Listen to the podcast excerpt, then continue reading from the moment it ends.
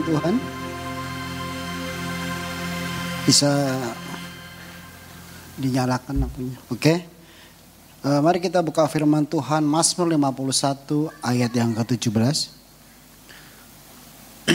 Salam kanan kiri dulu yuk. Katakan hari ini kamu keren banget bilang. Gak ada ngomong ya.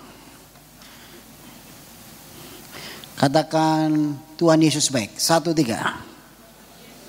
Ya gitu dong. Korban sembelihan kepada Allah ialah jiwa yang hancur, hati yang patah dan remuk tidak akan kau pandang hina ya Allah. Ini ungkapan doa Daud kepada Tuhan waktu dia sedang mengalami masalah dalam hidupnya dia. Daud kita kenal adalah seorang yang berkenan di hati Tuhan. Kalau kita lihat kisah Rasul pasal yang ke-13 ayat yang ke-22 dikatakan Tuhan menemukan Daud bin Isai orang yang berkenan di hati Tuhan. Tapi nggak sebet nggak nggak serta merta Daud dikatakan berkenan karena Daud tahu bahwa dia mendapatkan hal itu nggak mudah untuk dihadapi. Apa yang dihadapi itu proses yang begitu panjang dalam hidupnya dia. Kalau saya bisa teliti dalam perjalanan Daud, kemungkinan besar Daud harus melewati proses dalam hidupnya dia untuk menjadi orang yang berkenan di hati Tuhan, jatuh dan bangun itu kurang lebih hampir 13 sampai 15 tahun. Ya, makanya dia tulis Korban sembelihan kepada Allah ialah jiwa yang hancur. Makanya dia perlu hal itu. Dia hancur. Dia dia remuk di hadapan Tuhan. Dia ceritakan semua masalah kehidupannya dia sama Tuhan. Karena dia tahu satu-satunya yang bisa menyelesaikan masalah kehidupannya dia adalah Tuhan. Dan doa saya hari ini apa pun pergumulan masalah dalam hidup saudara, mari sama-sama ceritakan hal itu. Bawa itu ke hadapan Tuhan. Mari kita hancur hati di hadapan Tuhan. Kita doa, kita berseru, kita minta Tuhan selesaikan itu dalam hidup kita. Kita nggak bisa kekuatan kita. Karena kita tahu bahwa kita terbatas. Ada Tuhan yang tidak terbatas untuk masalah kita. Yang percaya katakan amin. Makanya Daud tulis ini supaya apa? Dia mau katakan kepada kita bahwa memang proses peremukan dimurnikan Tuhan itu penting. Supaya kita belajar untuk mengerti bahwa ternyata kita ini rapuh sebenarnya. Kalau nggak tanpa Tuhan kita nating kok. Kita perlu Tuhan. Setiap manusia di tempat ini saya katakan kadang-kadang kita ini sombong dengan hidup kita. Kadang-kadang kita terlalu bangga dengan apa yang kita miliki. Tapi sebenarnya nating saudara. Nating. Daud itu punya semuanya. Nating. Makanya waktu dari rumah Obed Edom, dia ke Yerusalem, dia hinakan dirinya, dia menari-nari di hadapan Tuhan karena dia tahu semuanya nothing. Kita ini manusia, sama nyamuk kecil gini aja sudah kalah loh sudah. Digigit langsung DBD, betul nggak? Ditanya tuh jawab kayak, betul nggak? Semuanya? Ya, nggak ada bisa disombongkan. Apa? Jam tanganmu, tasmu, nothing. Gak ada. Makanya kalau saya lihat pendeta khotbah pakai cincin, saudara-saudara. Nothing. Kita nggak boleh fokus kepada berkat. Kalau kalau cuma ke gereja cari berkat dan mujizat, Gunung Kawi juga bisa kasih bos. Serius loh, setan bisa kasih. Kita ini ke gereja bukan cari berkah dan mujizat, kita cari Tuhan. Hidup kita diubahkan, yang dulunya tukang jina, selingkuh.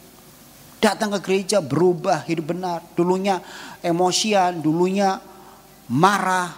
Datang ke gereja belajar sabar. Dulunya sombong. Itu yang penting. Karena saya mau katakan sama saudara, hari ini sakit kanker disembuhkan sama Tuhan bisa. Gampang Tuhan nyembuhkan sakit kanker. Gak punya uang dikasih sama Tuhan tuh gampang. Tuhan tuh kalau memberkati orang seperti membalikkan tangan. Betul apa tidak? Tapi mengubah orang pelit suka memberi perlu lima tahun bos. Orang sombong jadi rendah hati, orang egois. Orang yang kasar sama istri akhirnya bisa ngalah sama istri, bisa sabar sama istri. Itu lebih penting dibandingkan berkat. Karakter itu lebih penting dibandingkan berkat. Semuanya diam saja. Terpukau apa tersinggung atau apa? Amin, saudara. Karakter itu lebih penting dibandingkan berkat. Makanya proses itu adalah penting. Itu sarana Tuhan membentuk saudara. Makanya jangan pernah tengging proses. Kemarin ada ibu-ibu datang sama saya. Pastor Joy tolong doakan ada setan di rumah saya. Saya tanya sama ibunya. Bentuk setannya seperti apa bu? Mertua saya Pastor. Wah, terlalu jahat sama saya. Setiap pagi saya dimaki-maki. Saya baik dia salahkan. Saya salah tambah salah. Emang setan dia. Gak boleh begitu. Belajar hormati walaupun tuh mertua. Peser tengking dong. Gak bisa. Dan saya gak akan pernah tengking itu. Biarkan itu terjadi dalam hidupmu supaya engkau belajar sabar. Sama katakan sama saudara orang-orang begitu dalam hidup kita tuh bagus kok. Ya kan? Kadang-kadang kita harus bertemu orang yang ngeselin kita. Ya, kadang-kadang kita harus ketemu dengan orang yang jahat sama kita. Bagus. Supaya apa? Supaya kita belajar bahwa memang ternyata yang Tuhan perlukan itu itu. Kalau kita pelajari, kita buka Yakobus pasal 1 ayat 2.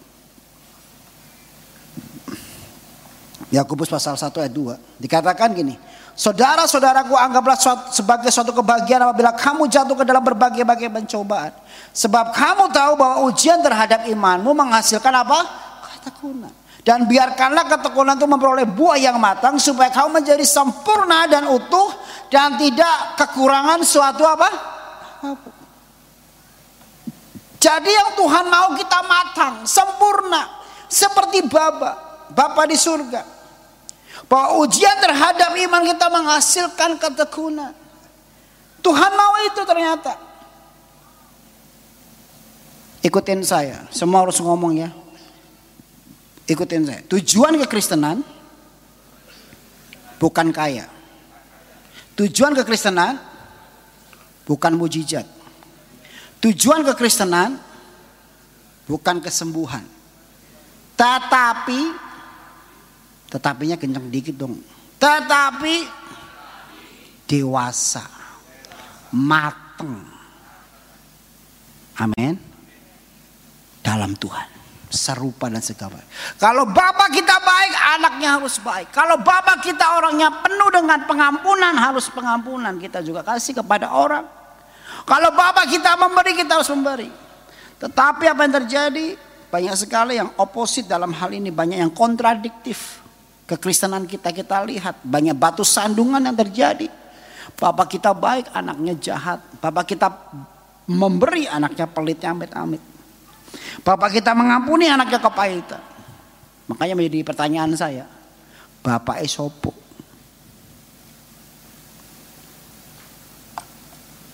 Doa saya di tempat ini kita menjadi orang-orang radikal. Amin.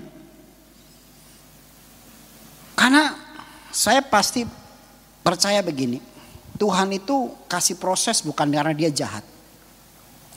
Daud harus melewati Saul. Waktu Saul dijadikan raja, Saul itu karena bangsa Israel mau raja. Tapi waktu Daud menjadi raja, Tuhan yang pilih Daud menjadi raja. Samuel datang ke rumah Isai tanya sama Samuel, eh sama Isai, Isai mana anak kamu? Ditunjukkan ini ini ini, ini yang gede-gede badannya yang kuat-kuat. Terus Samuel bilang, apakah masih ada? Isai aja orang tuanya Daud lupa. Eh masih ada satu. Di mana? Di padang lagi gembalakan dua tiga ekor ekor domba. Dipanggil lah. Dan Tuhan urapi dia. Makanya Daud bilang, walaupun orang tuaku melupakan aku, tapi Tuhan tidak pernah melupakan aku. Hebat tuh Daud. Dia tulis begitu. Daud tuh dari kecil diproses. Sama dengan Tuhan Yesus ya. Tuhan Yesus mengalami proses lahir di kandang hina. Ya kan? Besar dari umur 12 tahun sampai 30 tahun Alkitab nggak mencatat dan saya nggak nggak tahu apa yang terjadi karena Alkitab nggak mencatat. 30 tahun dia mulai pelayanan dan harus lewati Getsemani, difitnah sama muridnya, disalib semua. Itu proses-proses pembentukan. Dan saya tahu ternyata di balik itu semua. Daud juga mengalami itu. Ternyata di balik itu semua. Di balik proses yang kita hadapi. Ternyata ada satu hal yang Tuhan sedang mau lakukan. Yaitu engkau akan menerima kemuliaan Tuhan. Yang percaya katakan amin. Coba lihat yuk. Coba lihat. Firman Tuhan ini. Ini penting buat kita semua bisa mengerti. Bahwa jangan sampai kita gagal melewati proses ya Mari kita buka 1 Petrus pasal 1 ayat yang kan. Baca sama-sama. 1 3. Bergembiralah akan hal itu sekalipun sekarang ini kamu apa? Seketika harus berduka cita oleh berbagai-bagai apa? Ayat yang ketujuh baca yuk. 1 3. Semua baca. 1 3.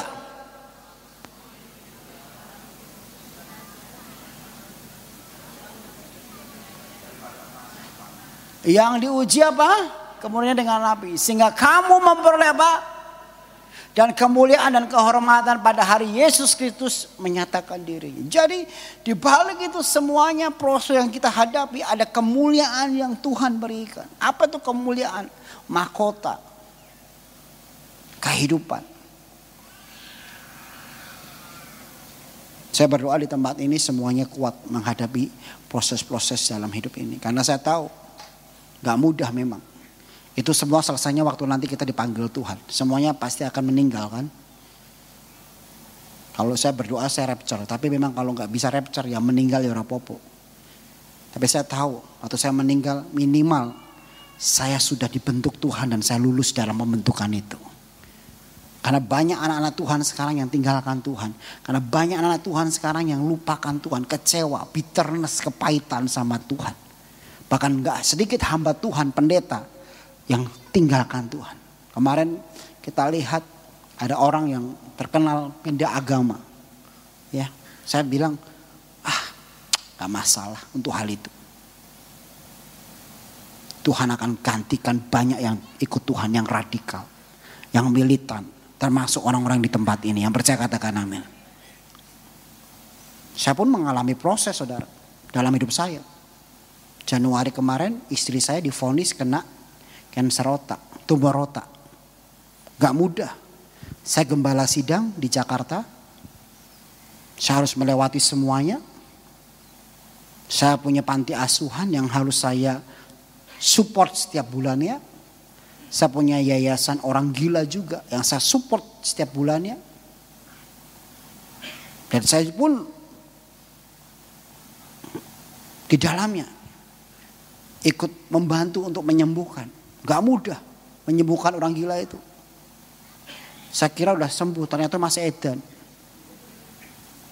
Ya, orang gila itu levelnya banyak. Kita tuh tumpang tangan sama dia, tumpang tangan balik oh dia. Bener, gak udah. Orang gila itu ada lima. Schizophrenia, depression, depression itu ada banyak-banyak. Bipolar, psikopat, edan tenanan. Edan tenanan itu neng dalam ngomong dewe itu. Yang yang Slovenia itu saya pertama kali itu ya waktu ngelayak kan saya itu dapat yayasan orang gila ini karena om saya nggak punya istri nggak punya anak meninggal. Yang neruskan saya. Karena paling dekat saya. Waduh waktu diserahkan sama saya. Beuh, itu proses bener saudara. Saya bingung gimana cara menyembuhkan. Tak kumpul ke KB tuh penyembahan. Nangis Wih saya bilang um, sembuh nih kayaknya. Melek guyune. Edan. Ketawa lagi. Yang Seslovania itu saya buka pintu lagi buka pintu langsung. Uh, kaget saya. Saya bilang sama full timer yang di sana pengerja. Dia kenapa kok marah sama saya? Gak marah pak, memang tampangnya begitu. Kasih aja handphone Pak, setelin YouTube nanti mukanya berubah. Tak kasih YouTube dia ketawa. Hehehe. Makanya kalau lihat orang lihat handphone ketawa sendiri ya. Itu level saya.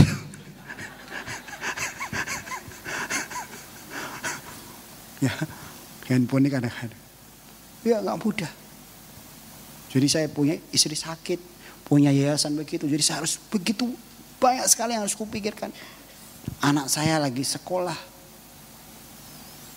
Begitu banyak biaya yang dikeluarkan. Ya. Saya pun lagi ambil gelar doktor teologi ya untuk sekolah. Bah, saya bilang sama Tuhan, Tuhan, apalagi? Karena sebenarnya, tapi saya tahu sih, hidup saya ini ngalami proses, tapi Tuhan selalu berikan kemenangan. Dari dari SMA itu, saya tahu SMA sampai hari ini.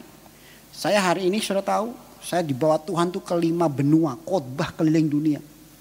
Dari Solo, rumah saya dulu tuh RSSSS, rumah sempit sekali, semuanya susah. Tapi dibentuk Tuhan, papi saya pendeta, pendeta orde lama, konservatif. Orang orde lama itu apa-apa lama. Khotbah lama, doa makan aja lama, 12 menit khotbah makan, doa makan itu. Makanya saya bersyukur ada GSJS. Satu jam selesai, kelar. Yang penting saudara tahu poinnya, pulang diberkati, selesai. Gue papi saya dulu khotbah tiga jam saudara. Dan gak ada yang berani. Dilempar mic saudara. Orang konservatif begitu. Kalau khotbah, kalau orang zaman dulu aja ngomong haleluya lama. Kalau kita kan cepat haleluya. Orang zaman dulu enggak. Haleluya. Kapan dianya juga nggak tahu itu. Ye, kapan susah juga nggak tahu. Saya pernah ikut doa malamnya mereka itu. Waduh saudara. Yang sebelah kiri panggil, eh, yang sebelah kiri itu doa apa namanya? Glory itu loh. Nyebut glory itu lama. Glory. Papi saya, ye. Saya gergetan saya bilang, sus. Huh, dimarahin, dikeplak apa? Plak.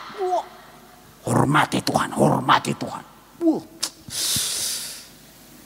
SMA saya tuh ngalami gitu-gitu tuh, proses tuh. Saudara mungkin anak orang kaya kali ya, enak. Saya, bel. Sekolah jalan kaki. Terus guru-guru kita di zaman dulu tuh galak-galak ya. Kalau sekarang itu galak itu langsung masuk hak perlindungan anak. Zaman saya dulu tuh, guru saya itu galak-galak loh. Saya pernah ketiduran, dilempar penghapus. Dan guru-guru zaman dulu tuh punya karunia titis. titis tau gak? Wong Jawa bilang tuh titis tuh bisa pas yuk. Cuing, dua, waduh. Nah, guru-guru saya tuh gitu proses. Akhirnya kabur dari Solo. Saya bilang, papi aku mau ke Jakarta. Mau merintis karir. Papi saya digitukan bukannya sayang jangan kamu harus di Solo teruskan pelayanan papi. Papi saya kan pendeta. Tiga-tiganya pendeta. Tapi papi saya itu pendeta keren loh. Kita ini rumahnya RSSS ya. Itu waktu papi saya itu jadi pendeta. Diberkati Tuhan besar rumahnya di Solo itu. Wih gede sekarang itu. Yang teruskan koko saya. Saya merintis sendiri di Jakarta. Wah, papi saya bukannya bilang, jangan sayang kamu di Solo aja. Bukan, minggato. Gitu loh orang zaman dulu tuh. Keluar, keluar. Jangan kembali ya, jangan kembali ya. Jangan anggap papi ya. Pergi, pergi, pergi. pergi. Wah, saya pergi ke Jakarta. Di terminal 6 bulan saudara. Pagi-pagi saya masih nggak ditendangin salpot satpol pp. Wah, hujan kehujanan. Baju cuma itu-itu aja. Mukanya aduh gak karu-karuan. Gondrong lagi. Saya pasti ingat tuh pernah datang ke satu gereja. Dikira copet saya ini. Karena tampang saya nggak nggak seperti sekarang. Sekarang kan ganteng banget ya. Tapi kalah sama Michael. Lebih ganteng Michael. Yang gue, tadi dia pagi pastor saudara gembala saudara itu hebat saya. Saya bilang saya kagum loh. Mike saya bilang. Saya kagum dengan ibadah kamu ini. Sejam tapi bisa komplit. Ya hebat loh. Dan saya percaya ini gereja akan meledak kok. Aminnya fals ya saudara ya. Kayak nggak percaya gitu saudara. Yang percaya katakan amin. Eh, sembilan bulan seperti ini kalau bukan Tuhan nggak mungkin lah rame. Dan semuanya hebat-hebat. Pujiannya bagus. Naik lagi. Saya sekolah teologi ya. Terus naik lagi nikah. Wah proses pernikahan juga banyak lah. Dari istri saya langsing sekarang langsung. Mesti rapopo. Saya terima dia apa adanya. Kalau dia ngomong, sayang aku makannya banyak. Makan terus sayang. Hajar. Nanti aku gemuk gimana? Gak apa-apa. Aku mencintaimu bukan karena badan kamu. Cece. Tapi memang gemuk benar saudara. Dia keturunan Belanda. Makanya tulangnya kayak Pithecanthropus erectus gitu.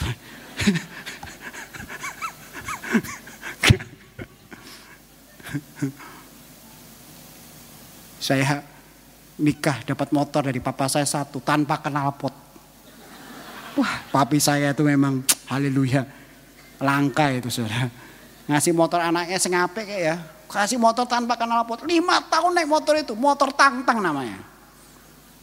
Ke mana-mana kampanye sendiri. Tang, tang, tang, rang, tang, tang, rang, tang, tang, tang, tang. Sampai istri saya jatuh saya nggak tahu loh. Karena lebih kencang suara kenal potnya dibandingkan istri saya jatuh. Punya gereja, gembala sidang, nggak gampang.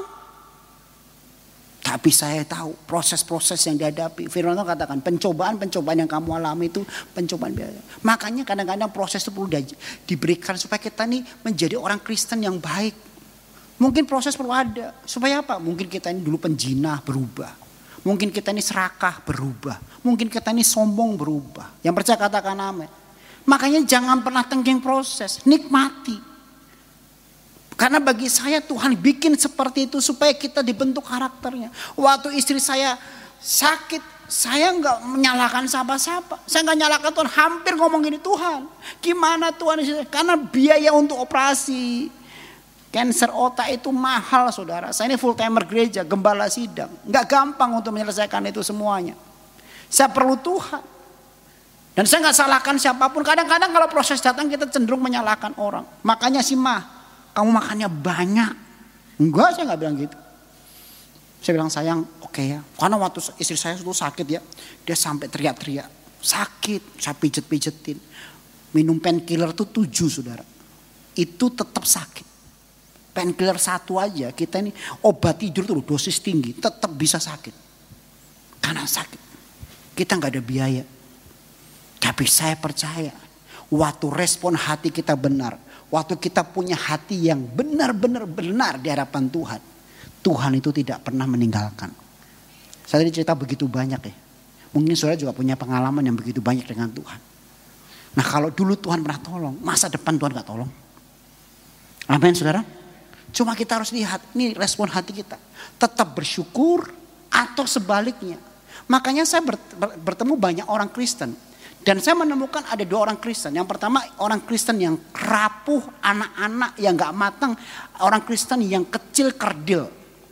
Seperti apa contohnya? Yaitu dapat masalah, kecewa, tinggalkan Tuhan. Tapi saya ketemu orang Kristen yang dewasa, militan, pasukan yang radikal. Hebat. Saya punya teman, anaknya dua autis. Kembar, dua-duanya autis. Tapi waktu ketemu saya dia bilang, Pastor Joy, anak ini hebat. Saya bersyukur lewat anak ini saya mengenal Tuhan. Buh, itu loh Kristen tuh begitu tuh. Amin saudara.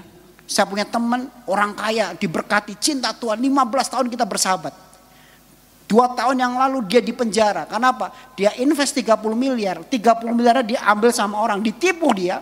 Yang nipu masukin dia penjara. Dan menang yang nipu. Bayangin aja. Hukumnya begitu. Mengerikan sekali. Di penjara. Bukannya dia yang nangis, saya yang nangis. Karena saya nggak tega lihat sahabat saya dimasukin penjara karena dia nggak salah. Saya bilang, Pak kenapa Pak kok bisa Pak? Dia bilang, Pastor kenapa nangis saja nggak nangis? Kok Bapak bisa sekuat ini? Karena saya dia bilang, nggak apa-apa Pak. Bagi saya masuk penjara ini mujizat loh. Dia malah bilang mujizat loh. Kok bisa mujizat Pak? Dengan ini saya belajar untuk ngampuni orang itu. Dengan ini saya belajar namanya kerendahan hati. Karena saya tahu Pastor, nggak apa-apa saya masuk penjara, tapi yang penting saya masuk surga. Wow, Kristen tuh gitu. Yang percaya katakan amin. Kristen tuh begitu. Tapi banyak orang, Pastor Joy, suami saya selingkuh Pastor. Tolong Pastor, kirimkan malaikat maut dong.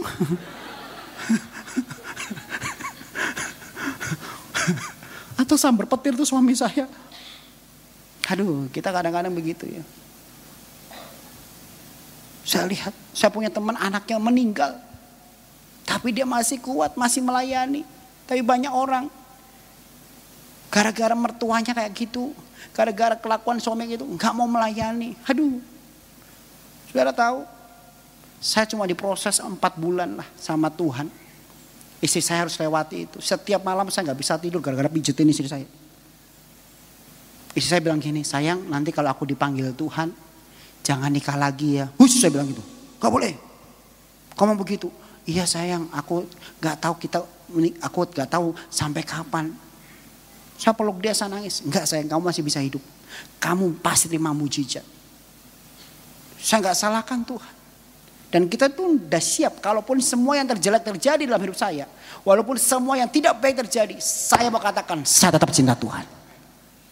Yang percaya katakan amin. Saya sangat sayang istri saya. Hari ini nggak bisa ikut.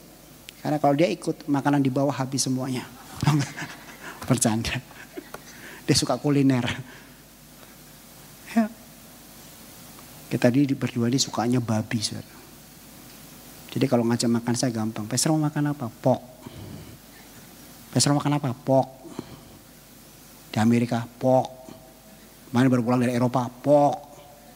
Karena kata papi saya orang kaya itu cuma makan babi. Kata papi saya loh. Makanya Amerika diberkati, Australia diberkati, ya kan? Cungkok diberkati karena makan babi. Just kidding. Australia. Coba Bangladesh, mana diberkati? Enggak. Ya saudara. Ya saya sembuh. Kita ke Singapura. Gak ada uang, tiba-tiba teman saya telepon mau kasih uang sama saya. Akhirnya dikirimin uang. Saya gak pernah cerita, gak pernah cerita masalah saya. Saya baru khotbah ini yang keberapa ya? Ketiga kali saya bersaksi tentang istri saya. Ini yang ketiga kali di gereja satu jam saja ini. Kalau istri saya masih sakit, saya nggak pernah nggak mau cerita. Saya diem. Saya punya teman yang kaya raya. Saya punya jemaat yang diberkati. Saya bisa ngomong sama mereka. Saya nggak cerita. Saya diem.